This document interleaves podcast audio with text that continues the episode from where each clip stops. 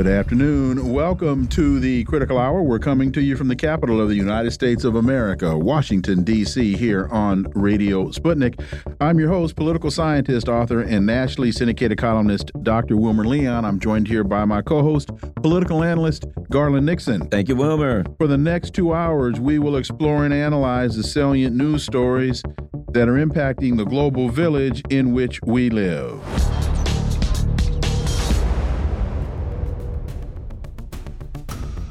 Netanyahu's national security advisor says Israel's ready to act against the Houthis. Tsachi Hanegbi also signaled Israel could launch a war in Lebanon.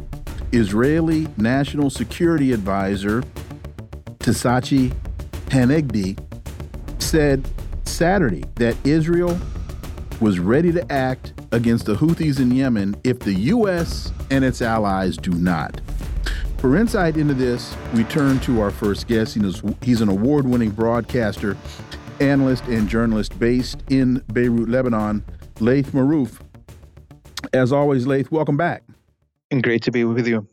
So it's reported the Houthis have been targeting Israeli linked commercial vessels and firing missiles and drones at Israel in response to the onslaught in Gaza.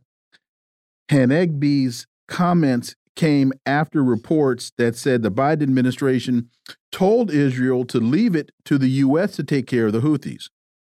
And Laith, Garland and I have been saying for quite a while that control of the Bab el Mandab Strait, which controls shipping from the Red Sea to the Gulf of Aden, with uh, Eritrea and Djibouti on the other side of the strait. And then you on the other side of, of, of Saudi Arabia, you've got the Gulf of Oman well, which controls shipping out of the Persian Gulf. So these shipping lanes are key. So speak to that as well as this issue that now Israel thinks it wants to take on the Houthis.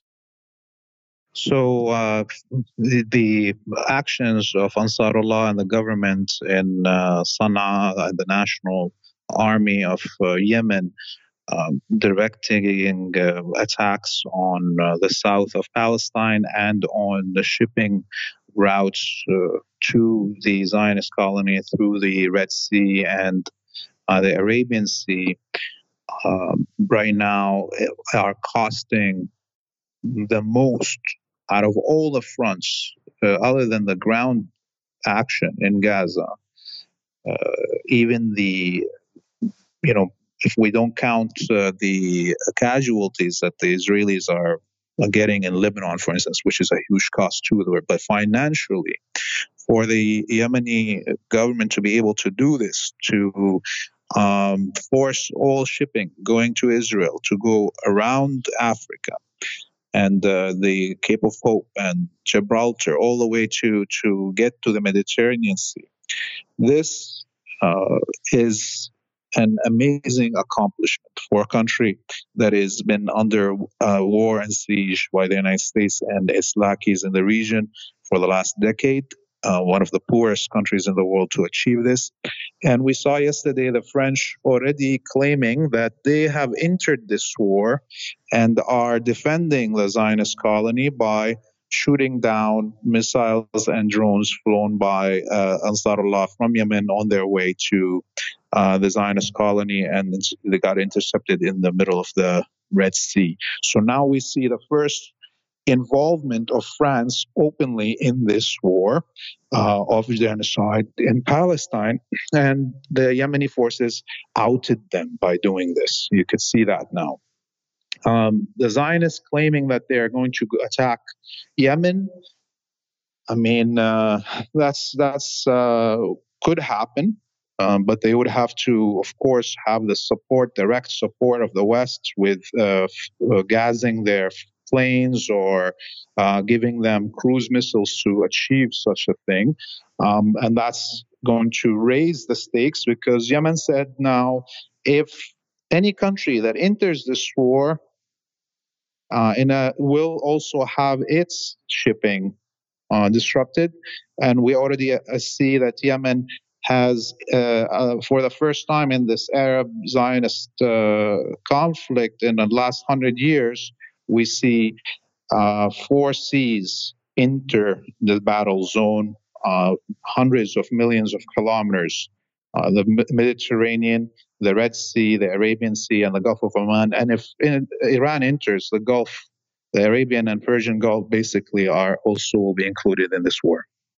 Well, um, also, um, I have seen a few things this morning where the Israelis said they, you know, they they wanted to um, attack Lebanon potentially or go after Hezbollah in the north. Uh, are you hearing anything about that as far as the spreading of um, the spreading of the conflict?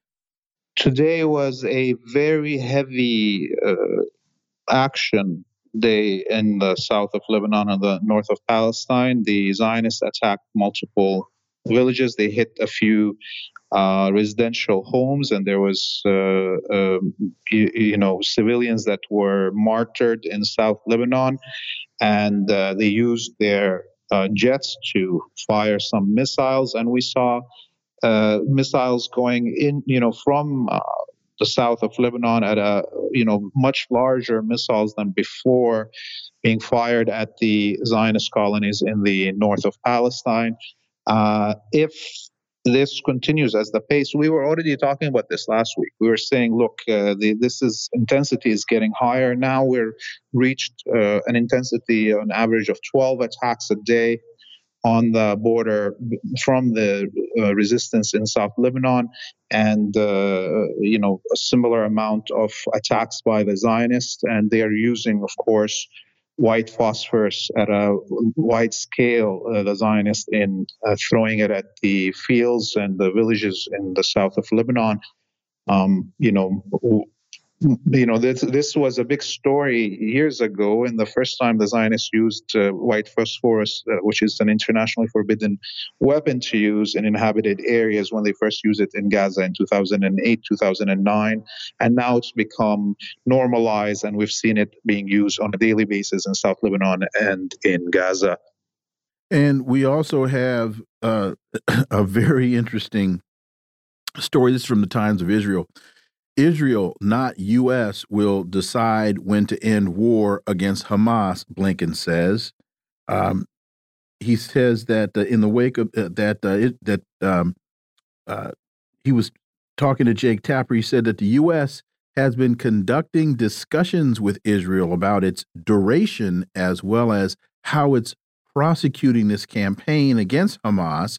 But these are decisions for Israel to make.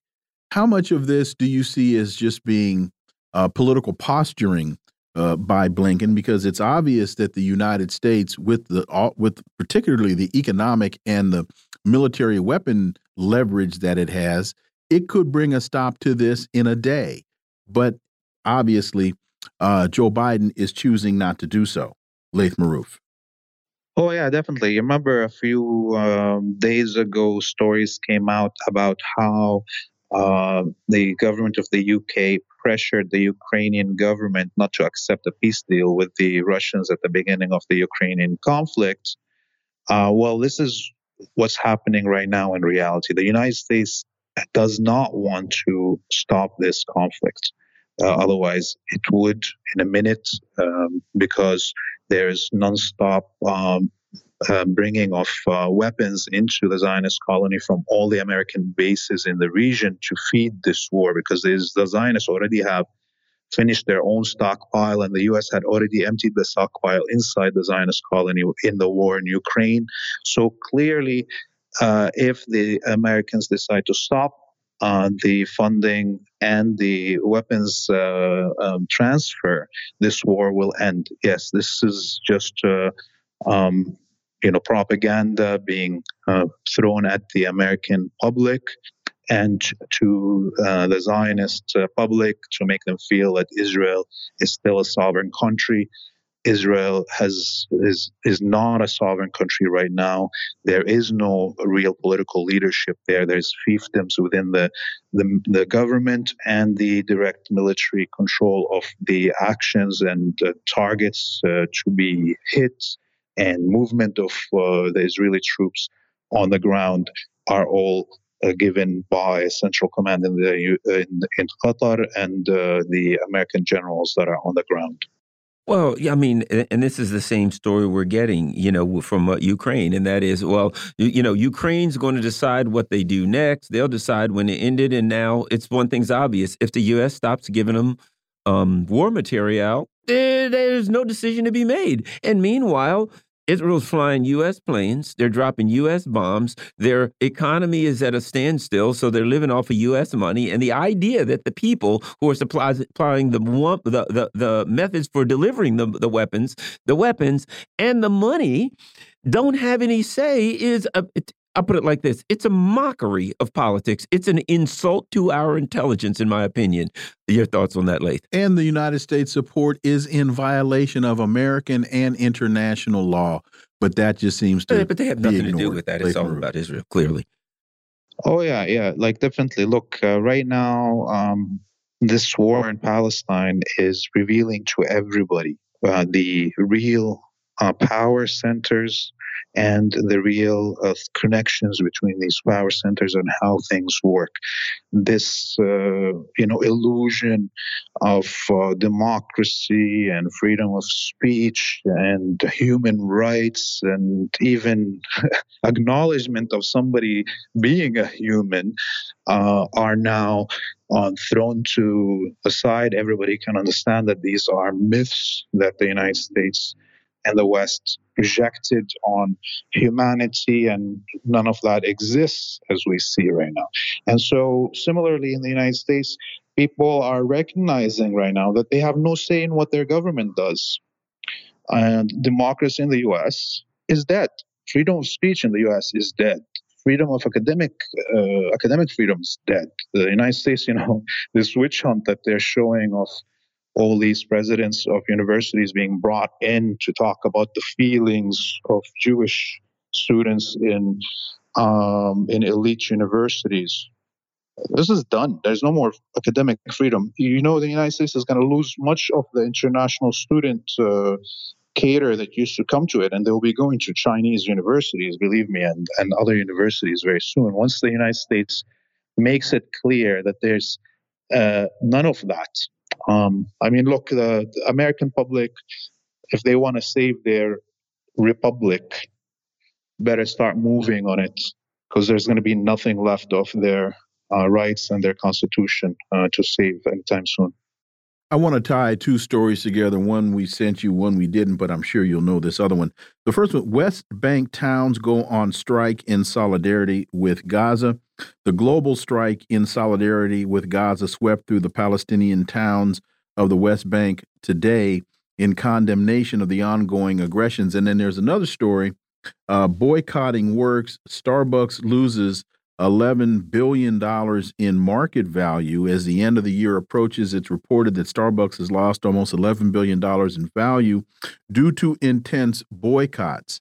And this is an aspect uh, of this conflict that gets very little attention, and that is the impact that it's having on the settler colonial economy and this whole um, BDS movement is also has also gained a tremendous amount of of, of traction. Oh yes, oh yes. Uh, look, uh, the global strike um, for Palestine happened, uh, and much of the world actually responded to it. And and I can tell you, this amazed me because it was started by a blogger, a Palestinian blogger from Gaza, and she, you know she uh, her name is Bisan.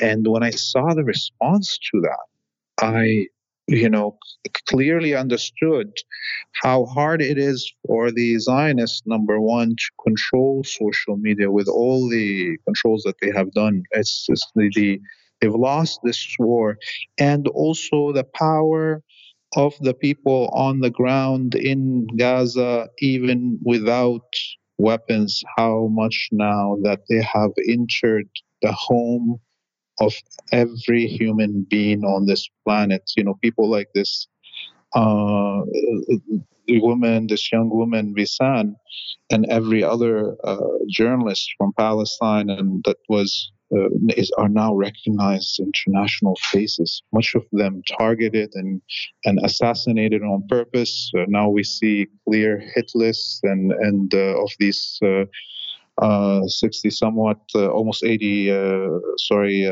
journalists in Gaza that were assassinated over the last six, nine weeks. And so that's one thing. Here in, in Lebanon, uh, the government actually all, closed all its uh, offices and called uh, all the universities were closed, all the schools. In Iraq, it was the same, in Syria and Yemen, and uh, and much uh, many people also just in the West just didn't show to to work because of the fear of standing saying uh, closing shop on purpose. Uh, businesses were not abiding by that in the West, but many people in the West also decided not to to uh, to go to work today.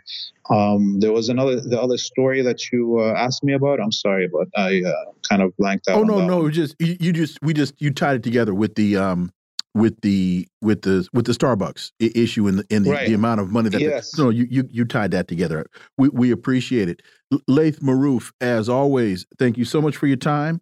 Greatly appreciate. Have a wonderful evening. We look forward to having you back. Yeah, and have a nice night. Folks, you're listening to the Critical Hour on Radio Sputnik. I'm Wilmer Leon. I'm joined here by my co-host Garland Nixon. There's more on the other side. Stay tuned.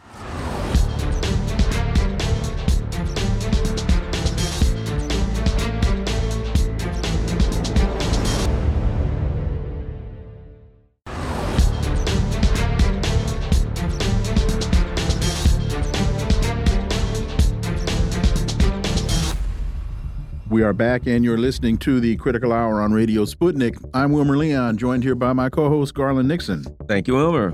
Sputnik International reports West moles toppling Zelensky has list of successors according to Russian foreign intelligence. Amid Ukraine's high-profile failures both on the battlefield and on the front, on the home front, Kiev's Western bosses are now ever more eager to seek an appropriate replacement for Zelensky. For insight into this, let's turn to our next guest. He's a Moscow based international relations and security analyst, Mark Sleboda. As always, Mark, welcome back. Dr. Leon Garland, thanks for having me. It's always an honor and a pleasure to be on the critical hour. So, Mark, this story is uh, frontline as the story while Biden invites Zelensky to Washington amid Ukraine funding fight. Uh, the president will host Zelensky tomorrow to demonstrate U.S. support. Could this be, as Shakespeare wrote in Julius Caesar, a tu brute? Then fall, Caesar. Mark Sleboda.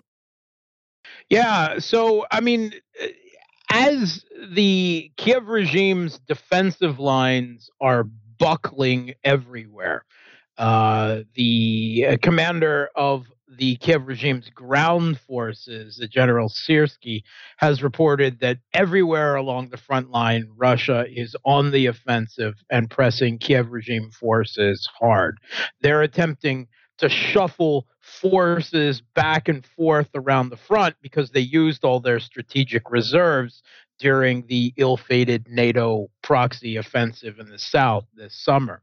And while all this is going on, and there is a, open talk, even in Western mainstream media, of the political feud, crisis, rift, whatever you want to call it, between the Kiev regime's uh, uh, president Zelensky and the top general Zaluzhny, Zelensky jetted off to the west um, he um, came first to Argentina, uh, where he attended the inauguration of the eccentric libertarian neoliberal right wing new Argentinian president Milei, um, and uh, uh, engaged there in a, a heated conversation with the uh, Hungarian Prime Minister Viktor Orban. Uh, evidently to no avail, because afterward the Hungarians have already said that they w- wish to have no discussion. You know, they, they weren't going to change their mind on releasing European aid, uh, EU uh, wide aid, uh, which re- requires unanimous consensus uh, financially or militarily to the Kiev regime. He also wanted to stop in to talk to uh, President Lula in Brazil, but was evidently denied. Now, fly over. We don't need you. Um, and then he is arriving in Washington, where the Biden administration says that it will be to I uh, prevent. Pre- essentially, what they're saying is it's a photo op to show the world that uh, the U.S. still supports uh, Z- Zelensky, or or at least the Kiev regime. Uh, meanwhile, there's growing talk that actually the White House is very disgruntled and has lost confidence in Zelensky uh, and would like to uh, switch horses to trade him with someone else. And we've talked about that on the show uh, many times before. And now we've got some new fuel for that. The Russian head of the Foreign Intelligence Service, uh, the SVR, Sergei Naryshkin, uh, he uh, has spoken out that the U.S. is openly considering removing him uh, because they have lost confidence in him, including because he's not flexible enough in properly representing Western interests. Well, you know, I mean, mm. he is supposed to be the president of Ukraine, right? I mean, but anyway, uh, you know, we, we all know how much sovereignty they have had there since 2014. Um, and he even suggested a list of replacements. And uh, listeners to the show will already long be familiar with the names that are mentioned. Um, of course, topping the list is the Ukraine's top general that Zelensky is feuding with, Zaluzhny. Um, oh, darn, also, I thought you were gonna. I thought you were gonna say Juan Guaido, but continue. Yeah, well, no, what uh, that is actually Juan Guaido is masquerading as Zelensky. It's just a mask they take off, put on.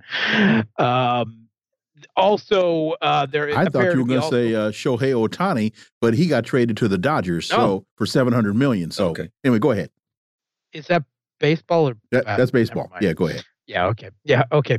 Um, uh, Yermak uh, is also being considered the Kiev regime's powerful gray cardinal chief of staff, who many in Ukrainian social media channels say really runs the country. Um, the genocidal Banderite maniac who is the head of the Kiev regime's military intelligence unit, Kirilo Budanov, that that would be sweet. Um, and uh, also, evidently in the running is Vitaly Klitschko, the mayor of uh, Kiev, um, who was one of the original public figurehead leaders of the Maidan Putsch uh, backed by the U.S. back in 2014, and who has recently come out publicly condemning Zelensky for uh, the uh, the Kiev regime's government becoming more and more authoritarian, essentially calling it a dictatorship.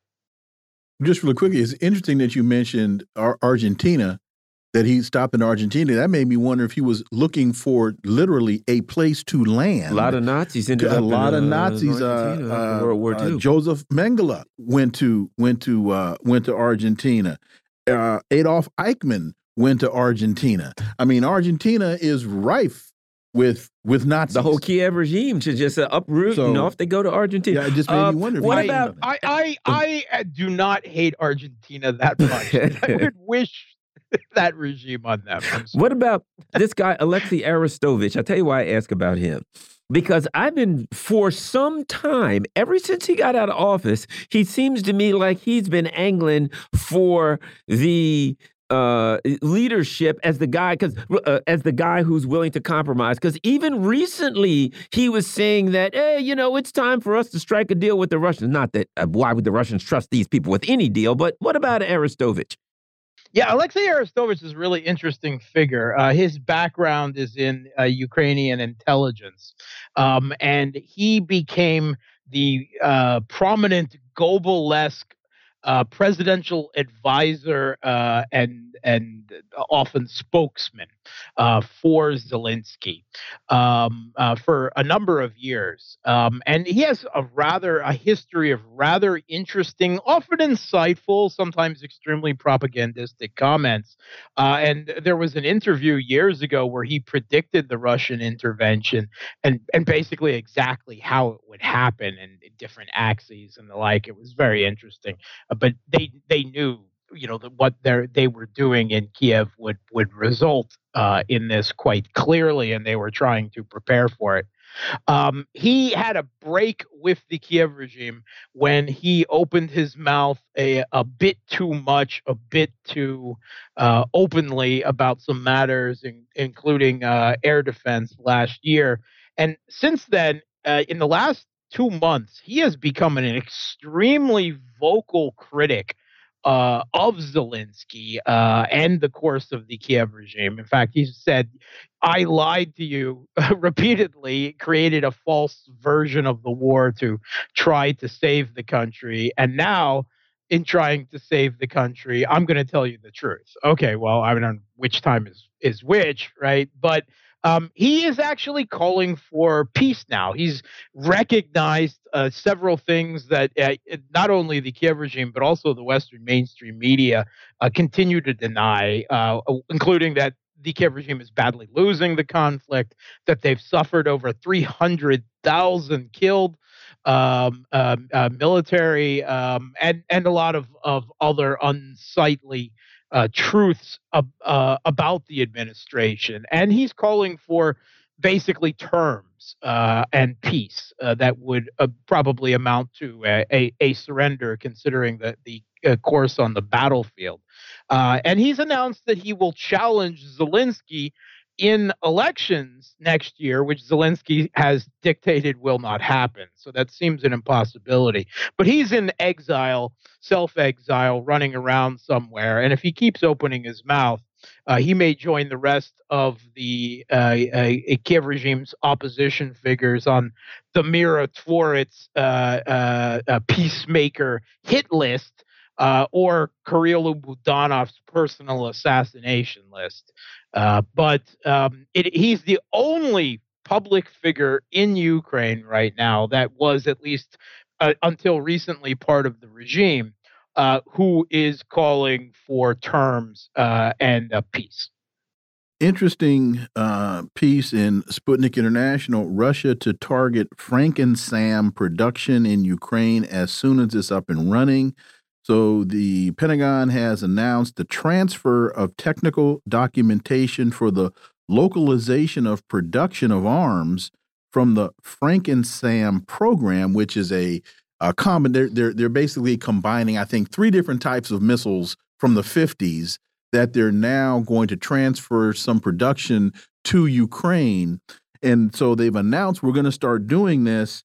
And of course, um, uh, Russia says that uh, the Russian military will be on the lookout for any efforts by the U.S. to establish a joint production on Ukraine territory and that it will level these capabilities in precision strikes if and when they're up and running. Mark Sleboda. Yeah, you got to love the name Frank and Sam. Um, mm -hmm. So uh, evidently, the Kiev regime is so short of manpower, they're reduced to creating a necromantic army of Frankenstein soldiers created from the corpses of fighters previously all known as Sam. No, sorry, that that's and some known as right. Frank, right? yeah, it's some Frank, yeah, Frank and Sam, right? All right. okay, that's really bad.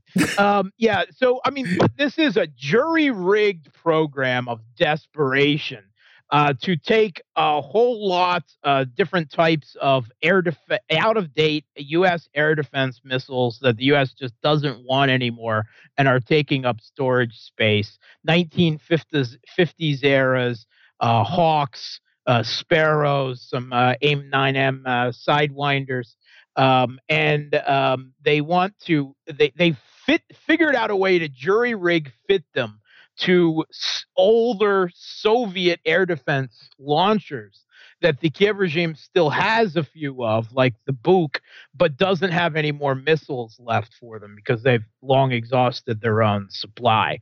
This is a jury rigged short and medium range air defense system at best.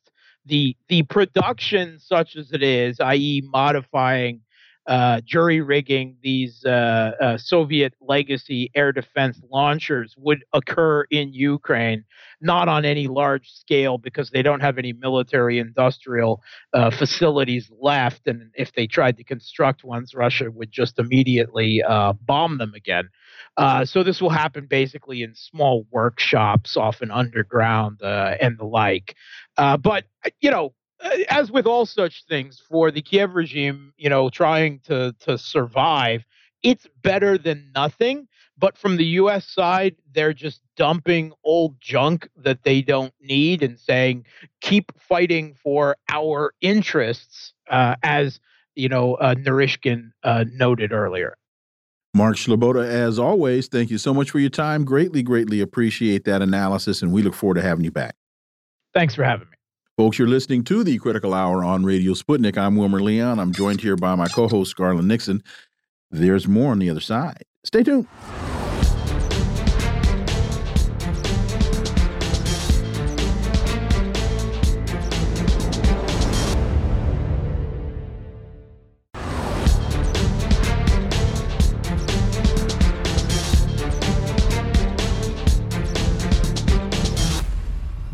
We are back, and you're listening to the Critical Hour on Radio Sputnik. I'm Wilmer Leon, joined here by my co host, Garland Nixon. Thank you, Wilmer. Asia Times reports U.S. next gen tactical missile ready to point at China. U.S. Army receives first long range precision strike missiles, a critical asset in Pentagon's emerging missile wall strategy in the Pacific. For insight into this, let's turn to our next guest. He's an author and professor of East Asian and Global History at New Mexico State University, Dr. Ken Hammond. As always, Ken, welcome back. Hey, glad to be here, guys.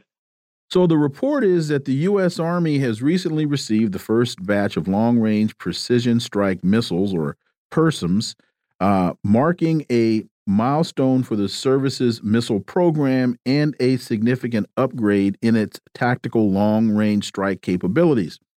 But, Ken, seeing the stories over the last couple of weeks about Chinese hypersonics and the development of these missiles, the the, um, uh, the, the the deployment of these missiles, and the range of these missiles, it it this seems to be to a certain degree that the United States is bringing a pea shooter to a gunfight.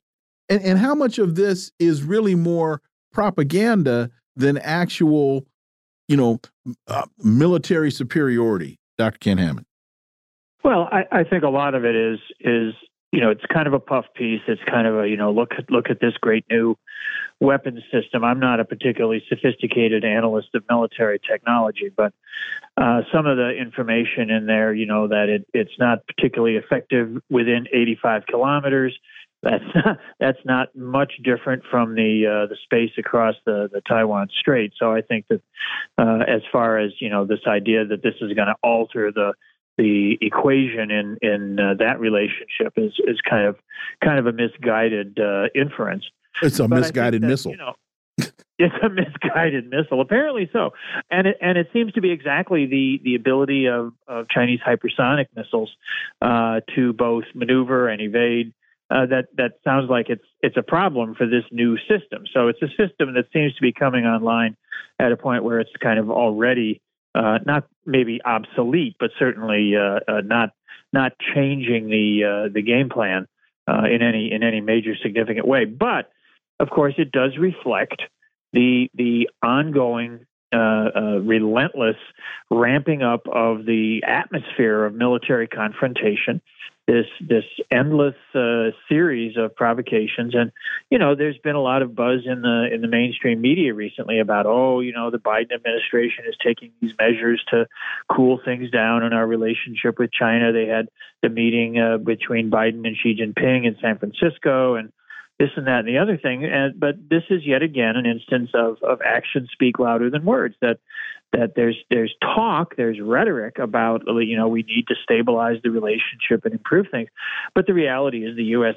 goes on with its provocations and ramping up its military uh, posture uh, in a way that that completely undermines this uh, this sort of facade of of you know liberal reconciliationism or something like that. So I think it's uh, you know it's another it's another brick in the wall, but I think that uh, the wall is not a particularly uh, useful or effective uh, uh, uh, deterrent at this point. Not that China needs to be deterred. China's been very clear that they're not interested in any kind of destabilization or invasion or anything like that. But from the American propaganda side, I think that you know this is oh, you know, it's a flurry of, uh, of, of publicity, but it doesn't really make any fundamental difference to the situation. The other thing uh, that's interesting about this article, they talk about that this could uh, this could conceivably change Taiwan from being a defensive quote porcupine strategy to a pit viper strategy, entailing limited counterstrikes against targets on the Chinese mainland. Here's here's the point. I'll say the same thing that I said before this war started in Ukraine. There is no scenario in which Taiwan doesn't get turned to rubble. So for all of this, yeah, we'll put and it'll be a porcupine, it'll be a pit viper. You know, they got all of these great, you know, uh, uh, uh, uh you know, uh, euphemisms a country of 25 or so million people where all of them are sitting on one side of the island facing another country of 1.4 million that's one of the richest if not the richest country in the world is going to end up a pile of rubble. That's it. Everything the united states touches even israel's a pile of rubble. Everything the united states touches now ends up a pile of rubble. Ken well, I think that is obviously you know, a, a very great danger, and I hope that that's something that many ordinary people in, in Taiwan are paying close attention to because, you know, this confrontation, to the extent that, that it's a confrontation, it's kind of a one sided confrontation, but this this posture of, of hostility and aggression directed towards China by the United States uh, is very, very dangerous. And it's very dangerous for the people uh, in Taiwan uh, because, yeah, if, if an actual conflict were to break out somehow, uh, you know, Taiwan is not going to emerge from that in any kind of, of viable uh, form, you know. And the United States, uh, you know, the American politicians don't really care about Taiwan. What they want is something they can use to beat China with, and and try to force China to spend money on on weapons that uh, you know that they could be investing in other things. It's the strategy of the arms race from from trying to bring down the Soviet Union. In that instance, it worked for reasons that are you know more than we want to go into right now. But you know, it's not going to happen with China, and the danger is that that you do provoke something that that blows up, and Taiwan would be the the sacrificial lamb, uh, to say the least, uh, in uh, in any such actual combat situation. You're a professor of East Asian and global history, and when you just talked about what China won't do, what that just triggered in my mind is China's not taking the bait as Russia isn't taking the bait. The U.S. is doing every seems to be doing just about everything in its power to uh, move both China and Russia, and now even Iran, into direct confrontation. And they're not taking the bait. They're going to operate on their time, as the adage goes. You have the watches, we have the time. Looking at this from a, a, a, a broader historic context. What does all of this say to you about uh, American thinking and American policy? Well, I mean, American thinking and American policy in terms of, of you know the political uh, elites that that that determine how these things get get done, you know, is is out of touch with the deep, deep structural changes that are taking place on the planet in terms of geopolitical relations, economic relations. You know, China China doesn't have to uh, to to get itself worked up over this stuff. They're going to respond to the provocations. They're going to, you know, reiterate their positions, but their positions have been consistent and clear, and they're not interested in in upsetting anybody's apple cart. You know, and China's China's the rising you know power, the rising tide. This is the. It's not that they're going to become the new dominant hegemons in the world, but they're emerging from a long, long period of oppression and exploitation by the West to to you know to be part of a new multi-centric, multipolar world, uh, and and and they see that that's happening. And the United States elites see that that's happening and they hate it that's what freaks them out that's what flips them out that they're they're they're they appear to be ready to throw everything under the bus, you know, to, to let the planet burn, to to let the American people suffer, uh, if only they can hang on to their power and their privileges, you know, and and that's just not something that's in line with these structural changes taking place in, in global relationships, and it's a it's a very dangerous and reckless posture for them to adopt. But it, they they seem on both sides of the you know the the bourgeois political uh, uh, spectrum. They seem dedicated to that uh, to that idea that that nothing can change. We have to be number one. We have to call all the shots everywhere, all the time in the world, and that's uh, that's not a formula for a for a bright future. And and and Chinese philosopher Sun Tzu said, "An evil man will burn his own nation to the ground to rule over the ashes," and that seems to be the scorched earth policy that the United States is trying to employ. Common Dreams reports disastrous U.S. vetoes ceasefire resolution at UN Security Council. Another thing that's uh, making, you know, letting the world know where the U.S. stands. Um, pretty much the entire world is saying, let's get a ceasefire, let's move forward on this thing without violence. And the U.S. is throwing a monkey wrench in it repeatedly. Your thoughts? Well, this is, as you say, repeatedly. This is yet again. This is not the first time the U.S. has, has vetoed these resolutions. Uh, you know, the Biden administration has made it crystal clear that they have no intention of doing anything whatsoever to try to actually affect the situation on the ground in Palestine. Uh, that they're happy to continue to pour billions and billions of dollars, and and Biden is even you know he's defying Congress on this. Uh, these these this recent round of uh, of special shells that got shipped over for tanks and everything. You know he's he's hell bent on facilitating this Israeli uh, campaign to to wipe out the Palestinian people and and destroy any any political viability that uh, that they have. Uh, you know, while at the same time, uh, again, as as with China, mouthing this this sort of rhetoric of concern and humanitarian uh, involvement, but actually, you know, actions speak louder than words. We you know we say that over and over and over again here, but it's so clear in in this instance that you know, Biden is just he he he is absolutely beholden for whatever reasons to to support for the IDF and the state of Israel in, in its reactionary current incarnation. Uh, you know, I just think it's it's appalling, uh, but it's uh, it's certainly the the direction in which this administration has committed itself, and they appear prepared to stay the course. Uh, in terms of, of the, the brutality and the and the atrocities being carried out by by the IDF. And this UN vote, the United States voting against the ceasefire, is just in direct contradiction to what Tony Blinken has said. Israel, not the U.S., will decide when to end the war against Hamas. And he says these are decisions for Israel to make. And the United States is obviously quite complicit in the crime. Ken Hammond.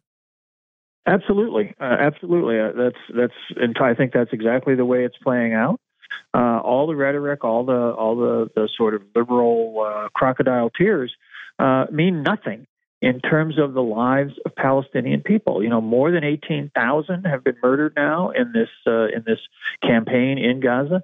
Uh, others, you know, being killed in the occupied territories elsewhere. Uh, you know, it, it's it's it's a horrifying. Uh, uh, you know, I, I hate to overuse the term, but it's a horrifying genocidal campaign and uh, and they there doesn't seem to be any end in sight. You know, they they continue to Israel continues to pursue its its uh, its its campaign, and the United States continues to fund them uh, by whatever means necessary, as far as the Biden administration is concerned.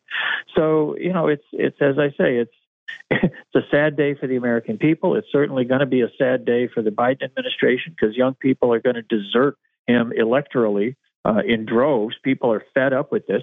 The thousands and hundreds of thousands, maybe millions of young people in the streets in America uh, supporting Palestine make that very, very clear.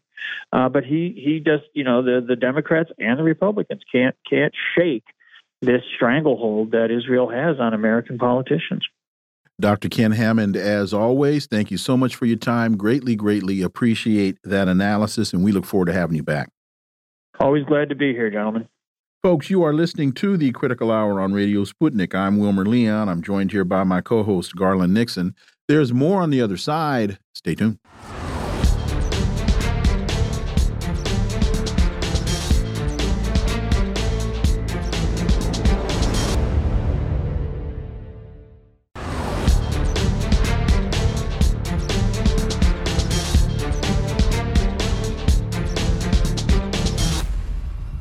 We are back, and you're listening to the Critical Hour on Radio Sputnik. I'm Wilmer Leon, joined here by my co host, Garland Nixon. Thank you, Wilmer. The Greanville Post has a piece entitled Russia Readies for a Brave New World.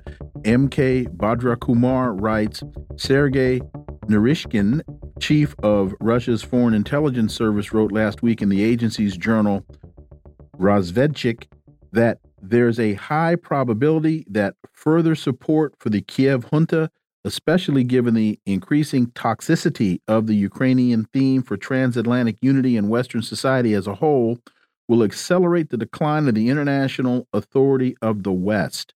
For insight into this, let's turn to our next guest. She is a professor in the Department of Political Studies and director of the Geopolitical Economy Research Group at the University of Manitoba, Winnipeg, Canada, author of numerous books and articles, Dr. Radhika Desai. As always, welcome back. As always, great to be with both of you. And as you can see, I've been practicing the proper pronunciation of your name. you have. I'm you still, have. You're I'm working pretty on good. so, uh, Bhadrakumar says in discussing Putin's announcement that he's running for another term, Putin was found responding to an exhortation by the hero of the Donetsk People's Republic, uh, Artem Zhoga, commander of the famous Sparta Battalion, uh, that the entire Donbass would like him to participate in the election. There's no question that Colonel Zhoga voiced a collective wish of the Russian people. A lot of things in this piece by uh, M.K. Bhadrakumar, but your thoughts, Dr. Desai. Yeah, you know, so the the the the bit that you're quoting really reminds me of a point that I found myself making very often these days, which is that, you know, uh, the West is waging this war in the name of democracy. You know, we are democratic Mm, you know russia is not china is not etc etc so we are entitled to to do what we are doing. But the remarkable thing the ironic thing is that the legitimacy of the governments that are being targeted by the west is actually very broad and deep.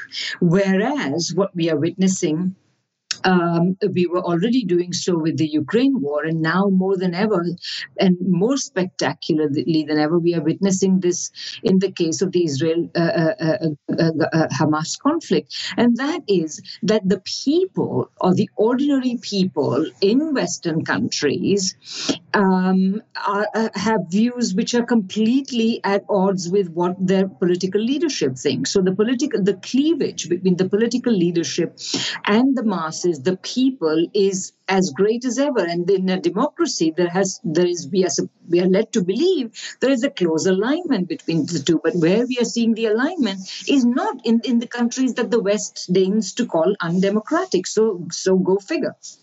Also, we see, you know, there's been discussion over the course of time as what what are the um, uh, uh, uh, the dynamics that create a revolution or a revolutionary environment, and what we see now in as a matter of fact, in the U.S., two things: uh, the people in the U.S. are not uh, agreeing with the policies on Israel, and a growing concern that money is being spent all over the world as the environment, the economy, the infrastructure, et cetera, is decaying in the in, in the West. Your thoughts? Yeah, exactly. I mean, so so the their governments are not doing the things that the, the people want them to do, and they are doing precisely those things that the people do not want them to do, and increasingly the people consider morally repugnant. So uh, it's not just that you know kind of you know the, the, the, they're spending this money on something that is you know is otherwise inconsequential no these are very consequential things so on both ends i would say that the leadership of western countries the so-called democratic leadership of western countries is not in line with what the people want. And the reason is very simple. Uh, historically uh, what are called liberal democracies and we should never call western countries democracies they are liberal democracies. And in case you thought that being liberal was very good, let us remember the core of liberalism, which is to protect the rights of property, which today means protecting the rights of the property uh, or the rights to property of the big monopoly corporations and a financialized ruling class which has done nothing to earn this property. you mentioned the people's sentiments, but it's even, I think, deeper than that because when we look at President Putin holds a summit on issues in Africa, whole bunch of African leaders come to the summit. Uh, we look at the BRICS and the countries that want to join the BRICS. We look at just last week, President uh, Putin uh, went to Saudi Arabia, and you look at the re the reception he, even the king, not the not the crown prince, uh, but the king met President Putin on the tarmac at the bottom of the of the ramp, and the king can't even walk anymore. I mean, right. folks seem to be going out of their way yes. to. Uh, you got it. Go ahead. Well, I think, you know, I mean, the rumor has it that uh, Mr. Putin was there to discuss some sort of peace plan for it for the Israel Hamas conflict. You know, obviously, he's there for uh, uh, the reasons having to do with the OPEC plus, etc. But there is also this. So, uh, you know, again, uh, what's happening as a result of the things that Western governments are doing, which are, uh, you know, which are not only out of keeping with what the people want, but they are also essentially squandering what little was left of the West's prestige, influence, goodwill, etc., around the world. The West is isolating itself from the rest of the world, and and so uh, again, you know, and and and this uh, this process has really accelerated since the uh, since the time of COVID, basically, when the West engaged on, you know, having uh, engaged in all sorts of, you know, uh, uh, uh, all sorts of hypocritical rhetoric about how it wants to see development in third world countries and wishes to help third world countries. What what the West was doing was actually, for instance, holding vaccines and, and doing very little to help the rest of the world. So, going on from there, and and again, this process has long roots going back. You know, my argument is that Contrary to all talk about U.S. hegemony, the U.S. was has never succeeded in establishing a secure hegemony over the world. Uh, it had wanted to do so. It has never flagged in its attempt to do so, but it was not in its power to do so in the circumstances that existed after the Second World War. So, anyway, to, to return to our point, the, the process of the decline of, of what little power the US and the US led West has is accelerating very quickly. And I think uh, uh COVID, the Ukraine war, and now the Israel Hamas conflict. All of these are actually accelerating it, and it, I, I, I think that the West is certainly not doing anything to stall it. We also see the the what were the you know the third world uh, considered countries, developing countries, uh, creating alongside Russia and China, India, creating new infrastructures, BRICS Bank, BRICS, etc., um, so that they won't be um, beholden to the ones that the U.S. were international economic infrastructure that the U.S. was controlling. We see great controversy in the UN now. Does the UN survive this new, or do they have to come up with a new infrastructure for the political uh, meetings of the world, or does the UN get revamped? Your thoughts on that? Well, I mean, this is a very, uh, you know, the UN has uh, uh, uh, uh historically the uh, principles of the UN Charter actually are perfectly in accordance with the multipolar world, with the kind of world that the emerging powers led by China and Russia, etc., are trying to create. However, what we know is that in the process, well, you know, in the, in the post Second World War period, the United States and again the West have done everything in their power to subvert these processes and so, uh, uh, uh, you know, the the for example, the principle of recognizing the sovereignty of countries. The United States has never recognized the sovereignty of countries. Just think about it: the very imposition of structural adjustment programs going back to the 80s and 90s, or today's demands that you know, unless you do what we say, we are going to impose sanctions on you. All of these are ways of not recognizing the sovereignty of countries and essentially compelling them to become of the West in such a way that Western corporations can walk in and out of them as they please, profit from and exploit them as they please, and so on. And when countries refuse to do this, they become the enemy. They become the targets of sanctions. They become the axis of evil and what have you. And this is a, behavior which the United States engages in uh, on the completely blind assumption, completely baseless assumption that it will have an effect. But as we have seen, in country after country. Cuba has been under sanction for 60 plus years. This tiny country with hardly anything to its name in terms of an army has stood up to US sanctions and has continued to have the kind of economy it needs. And this is really what it's all about. Can you have a, the kind of economy you need and want, which will benefit ordinary people, or will you allow the United States to twist your arm and to convert your economy into an unequal economy in which a small number of your own people and a large mm-hmm. number of US corporations are the only beneficiaries? Dr. Radhika Desai as always, thank you so much for that analysis. We look forward to having you back, and I'm still working on the pronunciation of your name. okay. Thank you very much. Lovely to be there. Bye -bye. Thank you. Folks, you're listening to the Critical Hour on Radio Sputnik. I'm Wilmer Leon, and I'm joined here by my co host, Garland Nixon. There's another hour on the other side. Stay tuned.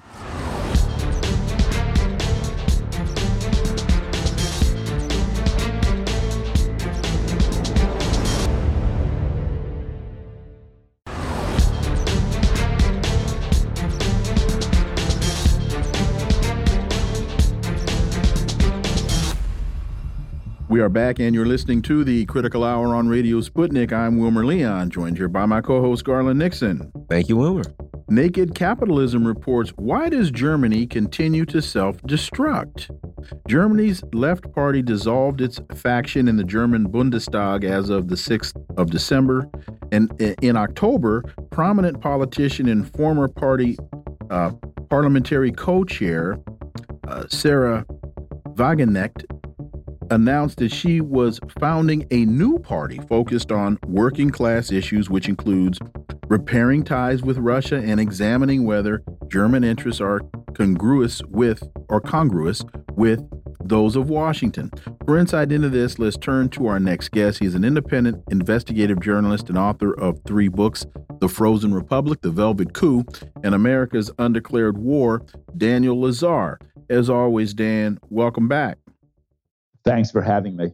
So the alternative for Germany party overlaps uh, Wagenknecht on those issues while also containing strong strains of ethno nationalism and Euroscepticism. And this party has had recent strong showings in local elections and maintains its second place in national polls, consistently coming in above 20%. Your thoughts, Dan, it is how significant of a shift is this and do you see this as being a shift not only that that has legs but could also exist for quite a while yeah the answer to both those questions is yes it's extremely important uh, and it's uh, it seems to uh, to um, to harbor a kind of a sea change in European politics. I mean, what's happening in Germany is the entire left is collapsing. Uh, the uh, the Die Linke, which is the, the left party, uh, has split in two, um, and they have to have a five percent minimum for uh, to have seats in the um, in the uh, Bundestag, uh, and so as a consequence, they've lost their both factions have lost their seats. there's the main Die Linke party and the Sahra Wagenknecht vehicle, which she has formed uh, are, have both lost their seats in the uh, in the Bundestag. Um, and uh, the SPD, the Socialist Party, under under uh, Scholz, is uh, performing extremely poorly. It's uh, polling like in the 10 to 14 percent range, a huge drop. Um, and similarly, the the uh, the alternative for uh, for Deutschland, the far right party, is surging. They are they're polling uh, as high as 25 percent. So you're seeing a major shift to the right. Uh, uh, it seems to be due to the economy, uh, the war, uh, you know, immigration, um, and uh, growing um, economic polarization. The same, the same, you know, the same evil, you know, four horsemen of the apocalypse that are bedeviling every other country in Europe. It seems to me, you know, that uh, what, what the, the issue here is, and it's brought out in this article, is a lack of sovereignty. That Germany is not allowed to look out for Ger for Germany right now. If you look at the UK, the Tories and Labour Party, neither one of them, you know, one of them. The only reason anyone has any support is because people hate the other one so bad, but none of them like their own. Come here to the U.S. The Democratic Party is falling apart. The Republican Party is there's Trump and there's the mainstream throughout the U.S. empire. It seems to me, as the intelligence agencies and the peep, the corporations have pretty much taken any semblance of both parties in all of these countries, it seems to me that it's the same scenario playing over and over throughout the U playing out over and over throughout the U.S. empire. Dan. Yeah, yeah. I mean, I agree. I mean, I think the um, I think the the, the the sovereignty issue plays into the hands of the far right.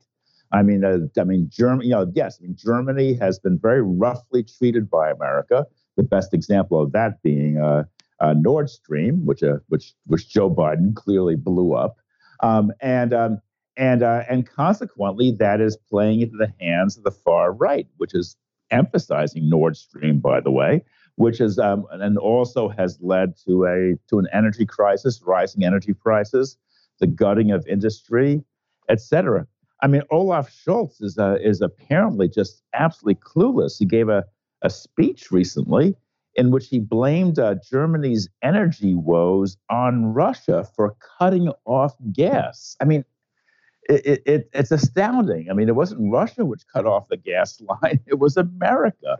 But he's so desperate to blame him to blame uh, Russia and to uh, and to to um, curry favor with Washington that he accuses Russia of this you know, of of, of hurting uh, Germany's energy supply. It's, it's it's it's ludicrous, and and and and its ludicrous aspect is not lost on the German public. That's the important point. So, in this article, they say that the this new this new party focuses on repairing ties with Russia and examining whether German interests are, are congruous with Washington, ethno nationalism, and Euroscepticism. Yeah, so the, yeah. So when we look at when we look at what the intent of the, one of the intents of the U.S. policy in this whole thing, you know, deindustrialization of Germany. Okay, so we're getting we're getting there, but are we are we winning the battle and losing the war when the growing sentiment in Germany seems to be repairing ties with Russia and basically making Russia uh, making Germany less interventionist and and and more uh, ethno ethno German. Yeah, yeah. I mean, I mean, clearly the, the, the world is passing through, through some kind of portal. I mean, we're seeing the collapse of Biden here. Uh, the latest polls show show Trump surging. Uh, the the war in the Ukraine is very unpopular. The war in Gaza gets more and more nightmarish, and the political fallout from that is really is really astonishing. Um, and um, but you know, but and yes, I mean Germany is as clearly is moving towards a more nationalist position. And I don't know about you, but the idea of a um, of a uh, of a right wing nationalist Germany gives me the shivers. Uh, yeah, we, we there's some history. I think there's some there's some there's some history there.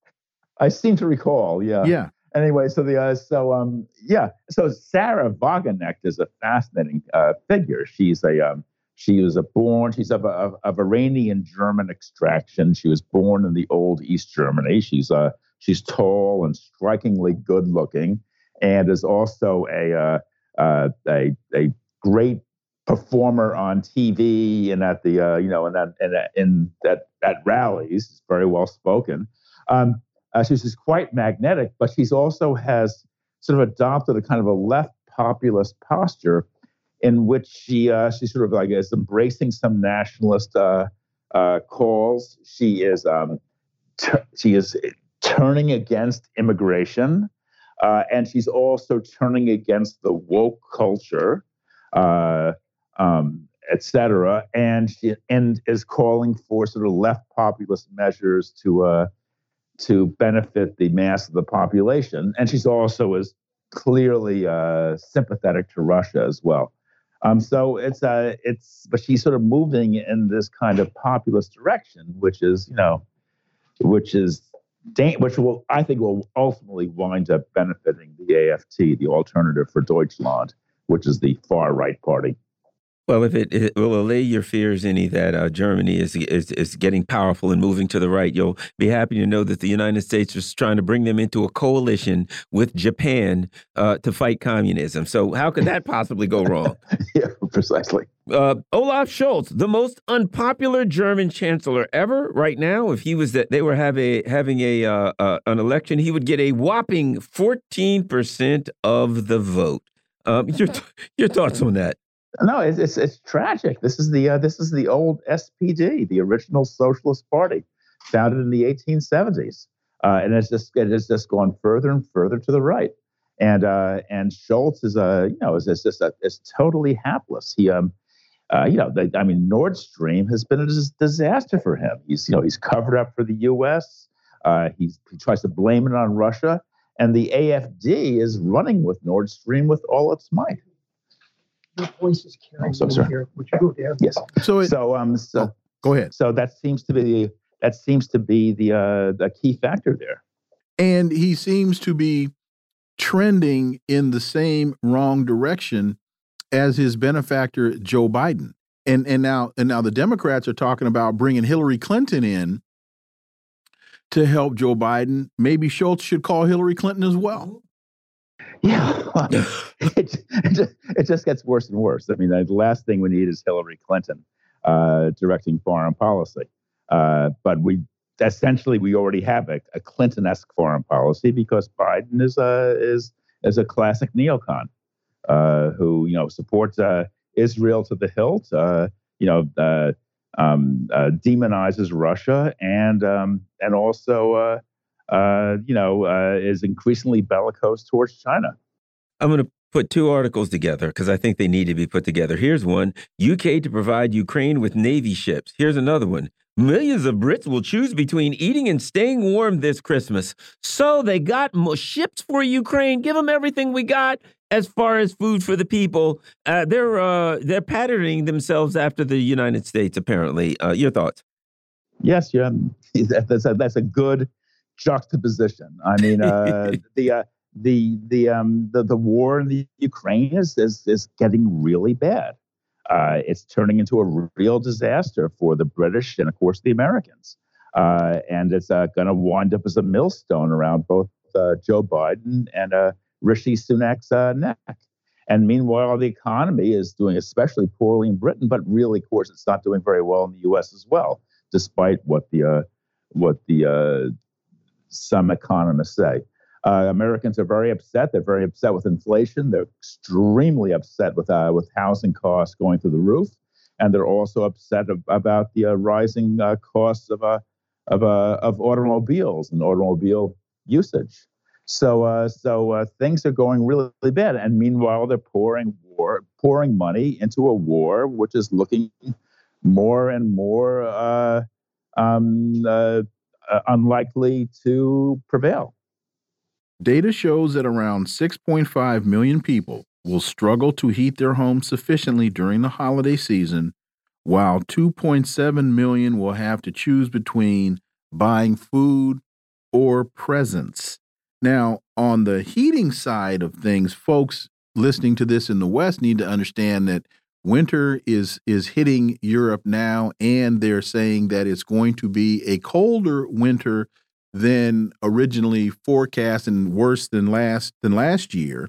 So this whole Nord Stream two issue and access to liquefied national natural gas for heat is going to be an even bigger issue there than it was last year.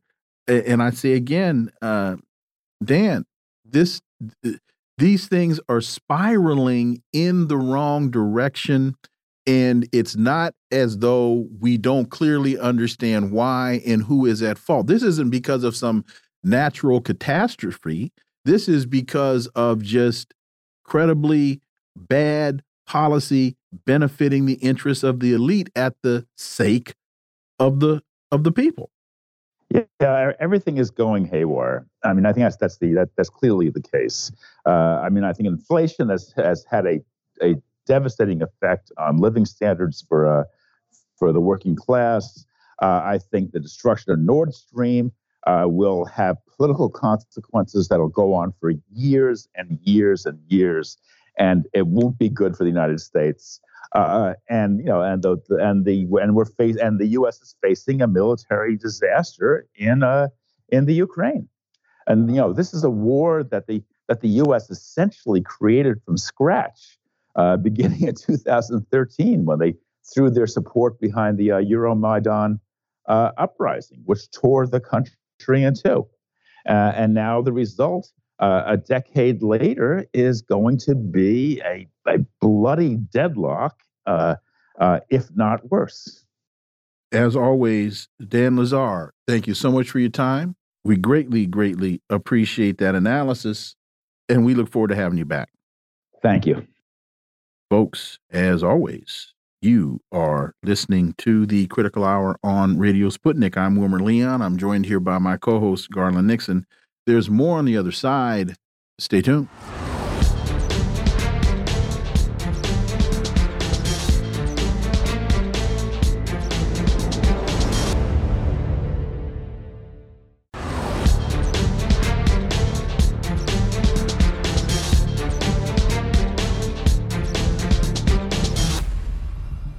We are back, and you're listening to the Critical Hour on Radio Sputnik. I'm Wilmer Leon, joined here by my co host, Garland Nixon. Thank you, Wilmer. RT reports Alex Jones allowed to tweet again.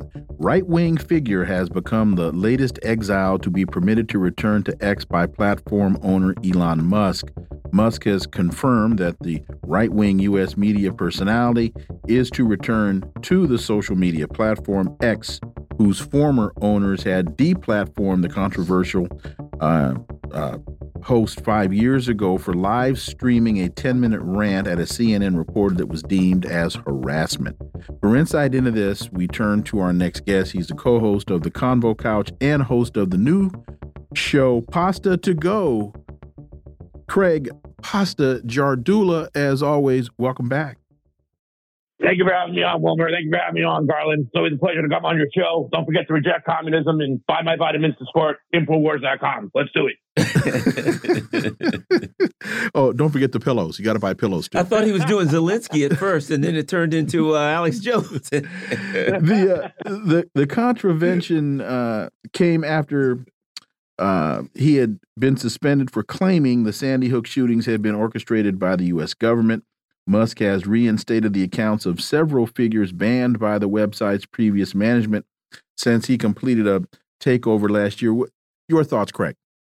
Well, I want to ask you, gentlemen. I'm pretty sure that you guys have probably seen the old video floating around after 9 11 where Alex Jones was very critical of Israel. I mean, he even laid out the tactics they used to demonize and harass and terrorize Palestinian children. And he also pointed out a geopolitical ploy that uh, the fact that Israel kept on rubbing its nose around whatever it wanted to do, it would put the United States in trouble.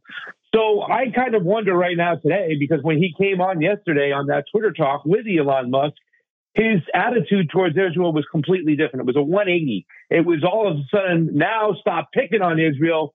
Uh, I think that the he, the fact that he had those feelings back in the day uh, they just used the Sandy Hook excuse as the excuse to take him off. But now that he's friendly to the state of Israel, it makes you wonder when people say he's a deep state inside character. Uh, there's some legs to that thought. Well, and you know we know how the game uh, goes as far as you know the whole concept of free speech on um, on on on on X because as a matter of fact, I can name somebody. Alex Jones is on Twitter, and I ain't. I'm not. I'm exactly. still off Twitter. Is and, and everybody's exactly. like, oh my gosh, you know, we gotta we we have to leave Twitter because Alex Jones is on there. And somebody actually asked me that didn't know my politics. Are you going to leave Twitter? I'm like, I don't have to. Twitter Twitter left me. Yeah. You know, and somebody else, by the way, Garland, you're not the only one. I think about my good friend Jared Beck, yes. who was one of the lead lawyers when it came to the DNC lawsuit case, who exposed a lot of how the DNC runs their uh, their party, their corporate party, because They also claim there's no such thing as a Democrat and they can go into the back room full of cigar smoke and put, put whoever they want. So what we need to do is like we what we've needed done for a while is demand a list of everybody who has been deplatformed and why, and then we have to demand an open source system of transparency and understanding how a private company that has entered into an agreement with the United States citizens via assessments, easements, via uh, the Section 230 of the NDAA, where they have qualified immunity, they need to show us completely how they deplatform, why they deplatform, and who is deplatformed. But Alex Jones, he might have been the biggest figure, but Garland still deplatformed to this day, and it just it tells you a lot. You know, we didn't send you this story, but I know you, are aware of this issue, just along this whole idea um, of censorship. College presidents under fire after dodging question about anti Semitism. The presidents of Harvard, MIT, and the University of Pennsylvania came under fire as uh, Representative Elise Stefanik, a, a Republican from New York, asked them if calling for the genocide of Jews violated the code of conduct at their schools. And I watched a lot of that exchange and I kept waiting for one of the presidents to say, well, it's one thing to call for the genocide of Jews. It's another thing to sit back and watch as the settler colonial state of Israel, with the backing of the United States, is actually involved in genocide against the Palestinians. One of them should have said, let's have that conversation. And give me an example. Because what they say is when somebody says, just uses this sentence from the river to the sea, they're calling for genocide. So, I, well, if that ever happens, I'll address it then. If you know of an instance when it happened, make me aware. You know, anyway, Craig. Yeah. No, no, I, I, was waiting for the same thing, gentlemen. I was waiting for somebody to say, well, who's calling for the uh, the genocide of the Israelis? Who's calling for that? And make that congressional member sit there and explain what it is. It's almost identical. You guys have been talking about this for quite some time since this whole situation started. And I think a lot of us knew that. Some of us who watched those congressional hearings on speech, we sensed that the Republicans, once there was a problem with Israel, would have the same type of language, the same tactics as the Democrats. And they sure as hell have. It's ridiculous the fact that they can stand up there and push for the same thing that they said they were against censorship right now because that's not what's happening. And these kids who are at a lot of these events, and Garland, Dr. Wilmer, you know, I told you this before. I've been out to so many rallies, so many events. These kids that are out there in these Palestinian uh, rallies, they're not pro Hamas. They're not pro anything. They're anti death. They're anti genocide. And that's what's really going on. And they're just trying to suppress, at the behest of Israel, speech. And Craig, we've been saying, and I've been very clear in saying that I think when you listen to Stefanik and and and uh, Chuck Schumer's piece, in fact, I wrote a piece that's uh, at uh, a number of places now. You're entitled to your own opinion, not your own facts. Is that the the Zionist narrative is losing the argument that Israel has now kind of bombed the world into reality and people are now seeing it play itself out on their screens every day. This was an asymmetric, disproportionate response. It is genocide, and folks aren't buying it. And because they're now losing the argument, they have to turn, try their best to turn the table to make this not an issue about um, the genocide, not an issue about apartheid, but this is about violating the sentiments of Zionists. Yeah. Uh, and, and, what happens when you back a, a, party into a corner and they get desperate? Because Israel is in a desperate uh, mode right now. They're going to fire off whatever weaponry they have left. So this ain't going to stop right now. This just might be the peak of what's going on of the battle that we have in front of us. I mean, it, they were they were talking about the other day about using seawater to water out the tunnels. Mm-hmm. They are in desperate mode when it comes to military wise. They are in desperate mode when it comes to the PR battle. They are in a desperate mode. So people have to hunker down now more than ever. And these voices like yourselves and these voices like us and independent media who've always held in, uh, who, who've always held the Israeli lobbyists in check and hold them accountable. People like Cynthia McKinney, we need to raise these voices bigger and louder than ever before. It's just getting started, baby. So let's get ready. People's Dispatch, one year since the coup in Peru. Following the coup against Pedro Castillo, the people of Peru took to the streets in mass to demand his restitution and the resignation of Boluarte. Your thoughts about the uh, one year uh, having passed since the, the U.S. backed uh, coup in Peru? I, I was so happy when you gentlemen sent me this story that we're going to talk about today because this is so important right now. It has a lot to, to deal with American imperialism because that's what's behind the coup that happened a year ago where the Congress in Peru has taken over. The Congress in Peru has more power than the executive branch, than the president themselves. We know this because several Peruvian presidents who have tried to change the ways, nationalize the national resources, because Peru sits on the lithium triangle and has other uh, minerals it has that the United States wants. Any president that's tried to change the ways and give more to their own citizens has been thrown in jail. Pedro Castillo is just one of many now. Uh, now, the other day, they released uh, Fujimori, the senior, out for a while, which showed you his daughter, even though she lost the president election, had more power in Congress.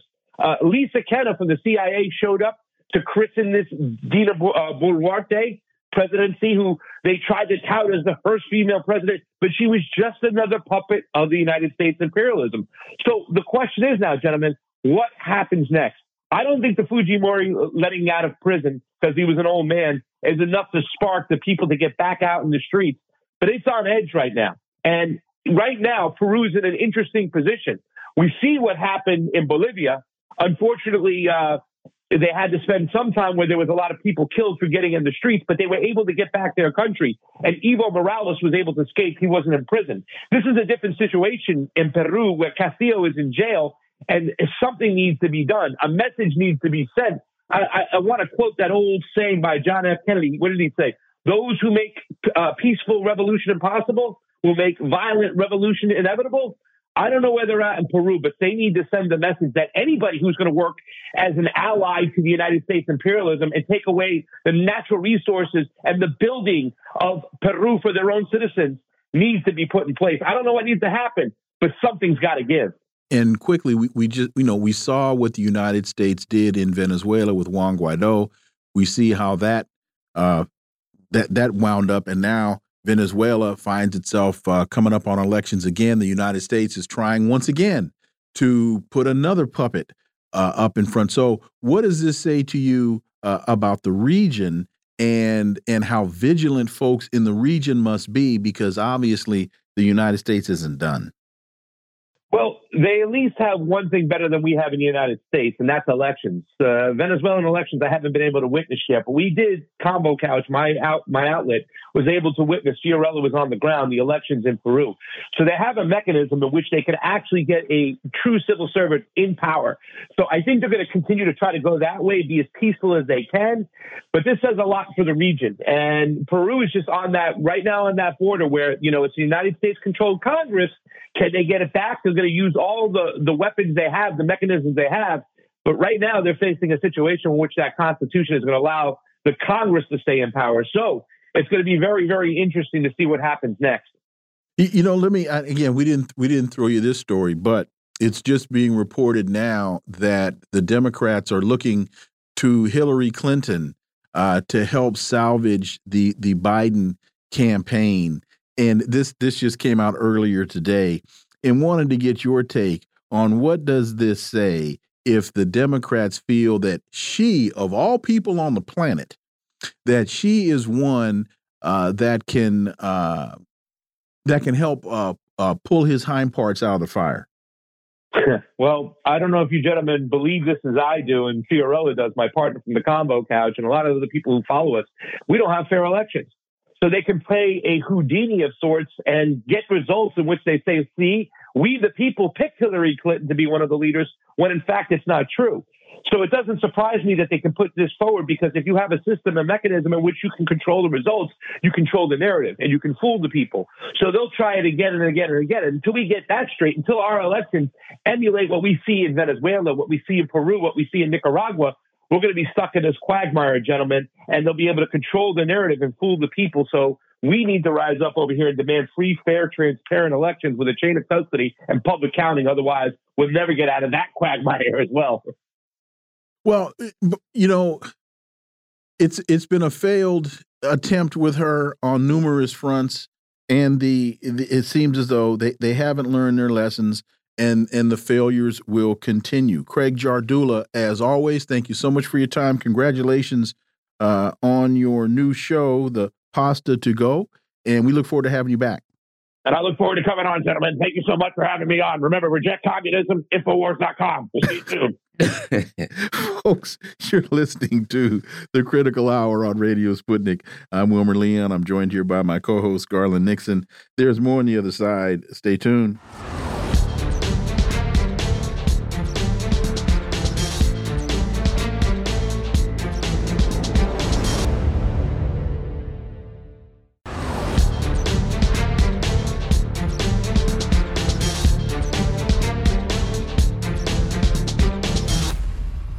We are back, and you're listening to the Critical Hour on Radio Sputnik. I'm Wilmer Leon, joined here by my co host, Garland Nixon. Thank you, Wilmer. The Greanville Post has a piece entitled The Algerian War Cause Célèbre of Anti Colonialism. On July 5th, 1962, Algeria declared its independence after 132 years of French occupation. Their transition was chaotic and violent, but inspired revolutionaries worldwide. For insight into this, let's turn to our next guest. He holds the John J. and Rebecca Moores Chair of History and African American Studies at the University of Houston. He's one of the most prolific writers of our time, and his latest book is entitled Revolting Capital Racism and Radicalism in Washington, D.C., 1900 to 2000. Dr. Gerald Horne, as always, welcome back. Thank you for inviting me. So, in 62, Algeria, the country that is today the largest in Africa and the central country in the area of North Africa known as the Maghreb, celebrated the end of a seven and a half year long war for its independence. One of the aims of the National Liberation Front, the group that had launched the revolution, had been to internalize, I'm sorry, internationalize the conflict, inscribe it in the context of the Cold War to gain support in the Eastern Bloc, and bring the case up for discussion at the UN so that France would lose support. What are the key takeaways as we sit here now in 2023, even as it relates to the struggle of African Americans in, in, in the United States. What are the key takeaways for us here, Dr. Horne? Well, you may recall that when Algeria surged independence in 1962, the leader of the revolutionary forces, Ahmed Ben Bella, actually conferred with Dr. King. And he quite graphically and appropriately compared French colonialism to U.S. Jim Crow. Uh, we also know that after that, the Black Panther Party of the United States set up its major international legation precisely in Algeria because there was a continuing perception that there was a close tie between these struggles. And of course, uh, that was accurate. You mentioned that Algeria searched independence and excuse me, uh, was colonized by France in 1830. And interestingly enough, at that same moment, you had the settlers in Texas who were seceding from Mexico precisely because Mexico had moved to abolish enslavement of Africans under a president of African descent, speaking of Vicente Guerrero. And such so and thus there was a trading of notes between the settlers in Texas and the settlers in Algeria, because of course, Algeria was a settler state. At the time of independence, about 10% or more of the population of that sprawling North African country were actually French. And what's remarkable about Algeria is that it's one of the few cases where the settlers, many of them at least, not all, were forced to disgorge their ill gotten gains, with many of them uh, crossing the Mediterranean uh, back into France. And we should take note of that as we struggle against settler colonialism and extend solidarity to our Palestinian friends who are doing the same thing. Because after returning to France, the settlers did not give up their diabolical projects. They sought to assassinate the French leader who had negotiated this peace agreement with the revolutionaries in Algeria, speaking of Charles de Gaulle, and barely fail.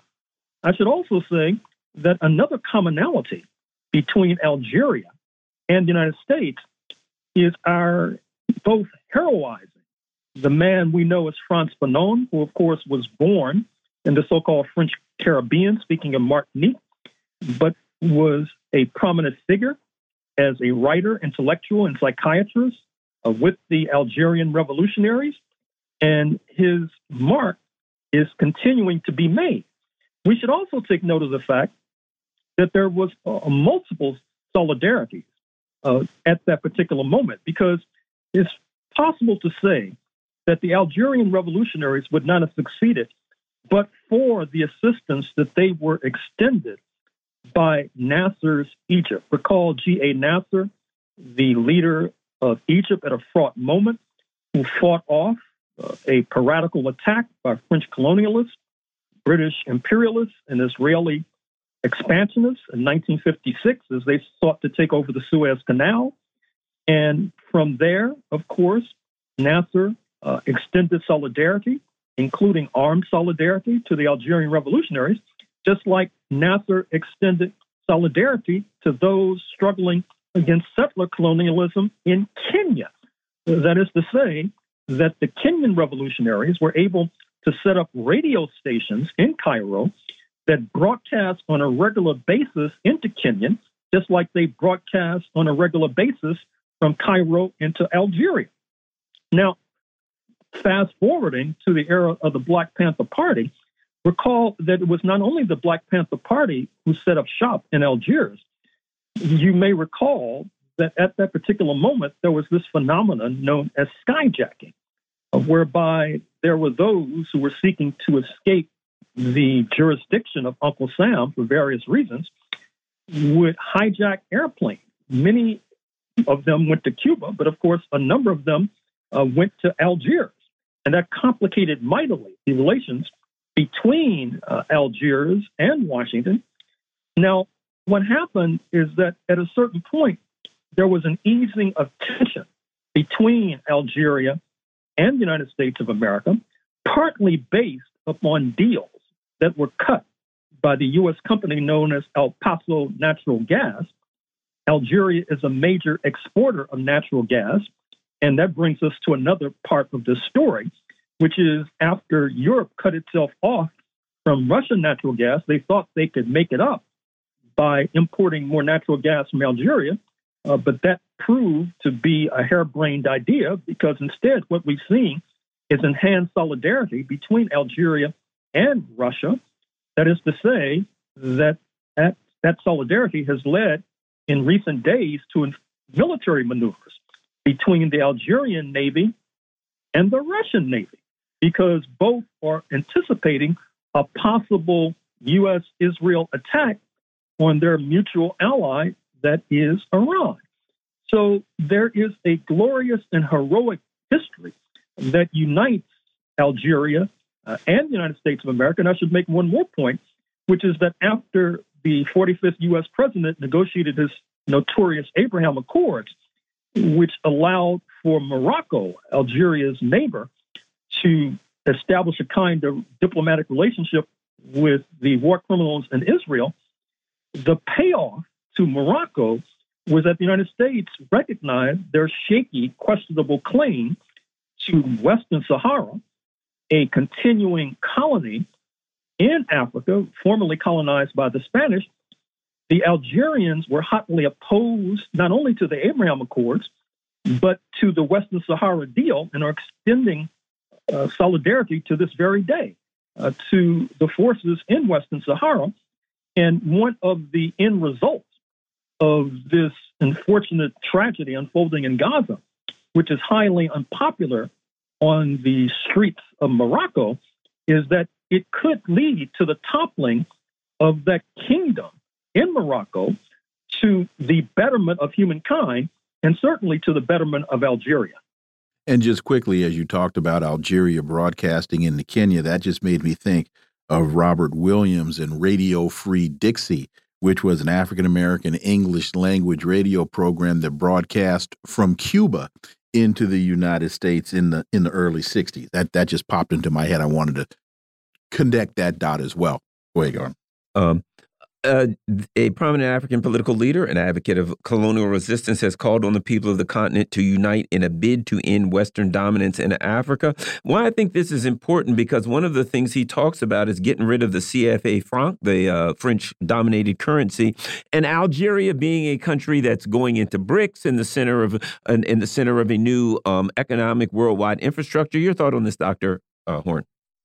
Well, as your comment implies already there is a new political entity in the heart of Africa, former colonies of France, speaking of Burkina Faso, Mali, and Niger, have banded together in the alliance of Sahel states.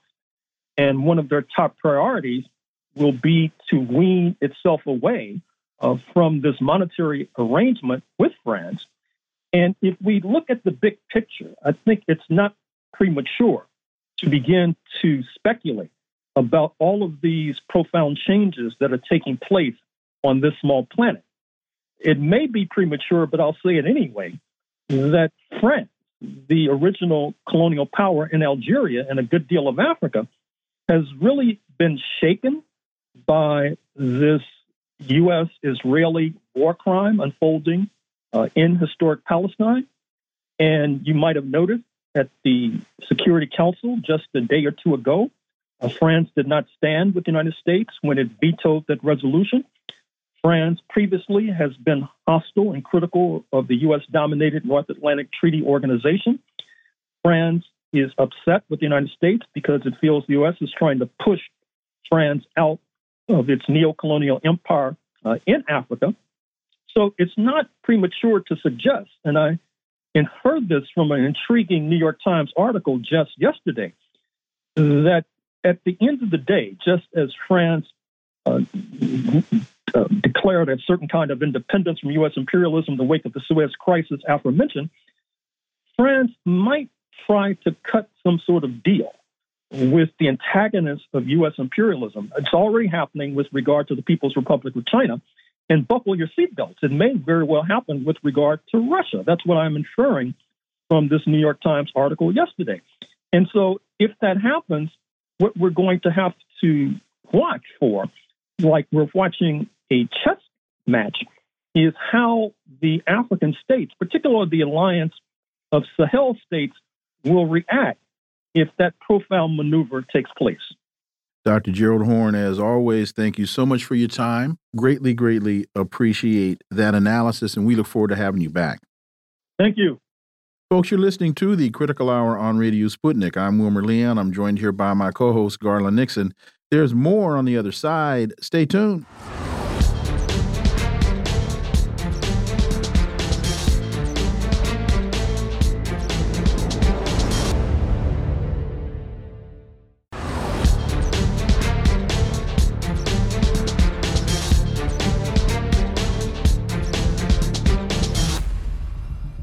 We are back, and you're listening to the Critical Hour on Radio Sputnik. I'm Wilmer Leon, joined here by my co host, Garland Nixon. Thank you, Wilmer. Giuliani could pay millions as Georgia election worker defamation trial starts. Former Trump attorney Rudy Giuliani faces up to $44 million in damages after a U.S. judge found he baselessly accused election workers of ballot tampering. For insight into this and other issues, let's turn to our next guest. He's an attorney and voting rights activist, Gerald Jones. As always, Gerald, welcome back. Uh, thank you. Thank you. It's always great to be with you guys. So, U.S. District Judge Beryl Howell, uh, Howell has already found Giuliani liable for more than a dozen defamatory statements against Ruby Freeman and Wandrea ArShaye Moss, who are mother and daughter, leaving a jury of eight only to decide how much he should pay in damages for violent threats and, har and harassment the pair received. Howell previously ordered Giuliani to pay the women $230,000 in legal fees and sanctions for failing to turn over relevant information. She said those failures, combined with his own admissions, compelled her to rule without a trial that he defamed the women. And this trial is is based in Georgia, but I believe it's taking place in Washington D.C. Darryl, give us an update. What's what's going on here, and um, how much trouble do you think Giuliani's really in? Well, you know, thank you guys for again for having having having me back here. Uh, I think that you know Rudy Giuliani is in a lot of trouble. That, that's probably the easiest way to put it. You know, uh, you know the judge here, Judge Judge Howell. Uh, that, that's you know as you've indicated, you're correct uh, in the DC uh, in the DC court. You know what the decision is now isn't whether or not he's liable or not. That that they're beyond that. Now is the question of damages, you know, for the defamation lawsuit. How much should he pay for what he's done to these two women and what he's put them through? And, you know, in considering all of that, uh, you start looking at just the pain and suffering that this mother and daughter has suffered. You know, they, they had death threats that were issued to them. They had all of these people throughout Georgia that, you know, were, were wishing them ill and, and, you know, they were, they had problems uh, just concentrating, doing their jobs. Matter of fact, they couldn't even do their jobs as a result of all the attention and all the hate that was being spewed upon them for something that they, uh, you know, they should not have had hate spewed upon them for. You know, they didn't do anything wrong. And so now we're at the point where the question is, how much should Rudy Giuliani have to pay for the for the damage, the psychological damage, and all the other damages he's caused to these two ladies. And, you know, again, he could be on the hook for up to somewhere around $43 million uh, in damages. So is he in trouble? Yeah, he's in a lot of trouble. And then you add on top of uh, on top of that the fact that you know he was supposed to appear in court and he's already you know upset the judge because he didn't appear when he was supposed to appear in court. So it looks like he's trying to hide assets, trying to hide financial information with regards to you know what he has, so that these two African American women that have been wronged by him can you know try to make a determination as to what the appropriate amount of uh, money they should receive is so the judge Howell can make that decision with regards to the amount of money that he should be paying for the damage that he's inflicted on these two ladies. So he's in a lot of trouble. He's in a lot of trouble because you know whenever you get to the point where the question is how much do I have to pay, mm. not whether I have to pay or not, you're in trouble. But his situation, you know, and he's he's in double trouble, right? Because not only does he have to pay these women, but of course he also still has the criminal case pending uh, in Georgia. So you know he's got to be careful on on that side of the ledger uh, as well. So he, he's really put himself in a pickle here, and uh, you know the, the, the ladies are sitting there, and in all likelihood, Giuliani may be uh, judgment proof. You know he may not have any money. Um, but you know, if he's judgment proof and he doesn't, for for whatever reason, have money because he's lost his law license because of the lying and everything else, uh, if he's judgment proof, they can still get the judgment, and it will be sitting there waiting. Whenever he makes any money, they can come in to take it. So he's in a lot of trouble in this situation. How does it work um, as far as uh, we've discussed compensatory damages, right? But from a legal perspective, you got compensatory damages, punitive damages, and then after, let's say whatever number that comes up, because we you discussed compensative, but will there be punitive? Is there a, a decision? Does the person have to ask for punitive? How does that work? And after these damages are meted out, can he appeal? If so, how? How does that? What? what what's? How's that all work? Yeah, I mean, after all the uh, damages are suited out, you know, you have the the uh, compensatory where you know you're compensating for the loss. You also have the punitive, which is the punishment piece to it uh, that's made by the court. But after all the damages are are you know are are laid out and determined, uh, the only other factor then is for for him to pay and whether or not he can pay.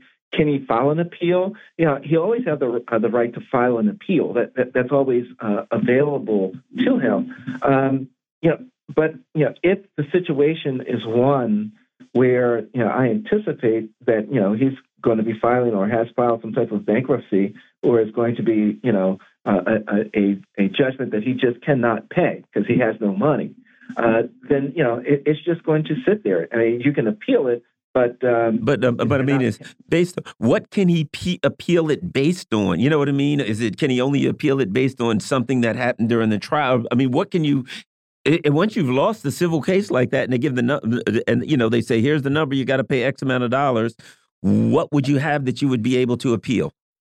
Yeah, I mean, if he were able to go in and show that uh, there was something that was unreasonable about the judge's actions, the judge's decision, uh, you know, what she decided to do, uh, how she came to the uh, to the figures or something like that. She could try. He could try to do it that way. Uh, it's rare uh, that we see that happen. Generally, most appeals are based on the facts of the case, not on the uh, not on the the, the monetary uh, side of the case. So it can happen on the monetary side, but generally it's on the substance of the case, and that's already uh, beyond the point of being appealed on the substance of the case. And switching gears a bit, Hunter Biden's latest indictment brings an uncomfortable ordeal to the forefront for his father. I think Hunter Biden was indicted for tax evasion on Thursday. Um, this does not directly uh, spill over to his dad, but it still is a problem that the president would rather not have to deal with. But so talk talk about uh, what Hunter Biden has now been indicted for. Wow, you know the Hunter Biden situation is really interesting because you know as as you know it started out just in Delaware, uh, and in the Delaware uh, filing uh, they had worked out an agreement where you know you had the handgun, you had some uh, some taxes and stuff that were owed.